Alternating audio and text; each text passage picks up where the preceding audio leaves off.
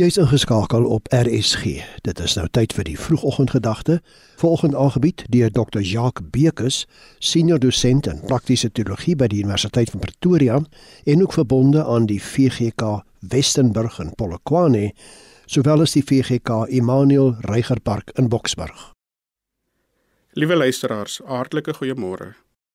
Hierdie week staan ons stil by verskeie vrugte van die Gees: waardes, normes en deugdes. Vanoggend gesels ek kortliks met u oor selfbeheersing.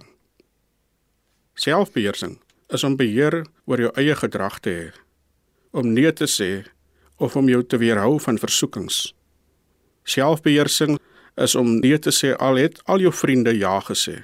Met ander woorde, om nie teen jou sin en beter wete in te gee nie.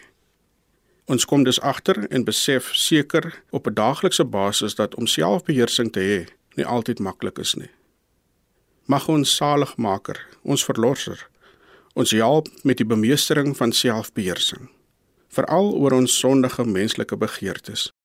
Weet u, baie keer dan lyk dit vir ons asof ons sondige of wêreldse begeertes vir ons krag beloof of tot selfvervulling lei, maar dit is nie waar nie.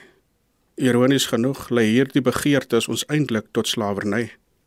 Daarom is dit my gebed vanoggend dat dit wat ek dink, sê en besluit vir God aanneemlik wees.